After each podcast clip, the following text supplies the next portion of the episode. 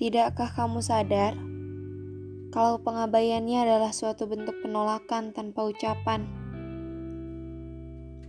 Dengan dalih, enggan menyakiti tapi nyatanya itu lebih menyakitkan.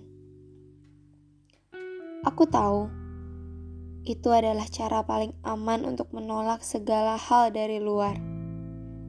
Walaupun perasaanku jadi salah satunya. Aku juga mengira dengan kamu mengabaikan perasaanku, maka aku akan menyerah. Selesai sudah perjuanganku untuk mendapatkanmu.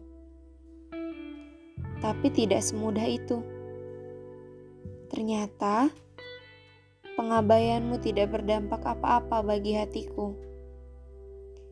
Karena mungkin menurutnya, selagi kamu tidak mengucapkan kalimat aku tidak akan pernah mencintaimu. Atau aku sudah memiliki kekasih. Berhentilah. Maka masih ada kemungkinan untuk memiliki hatimu. Karena tidak ada ucapan apa-apa dari mulutmu itu. Mungkin itulah alasan kenapa aku masih bertahan dengan segala kemungkinan yang makin hari makin terasa tidak mungkin.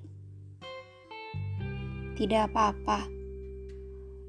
Mungkin sekarang belum. Tapi mungkin juga suatu saat kamu akan mencintaiku seperti aku mencintaimu.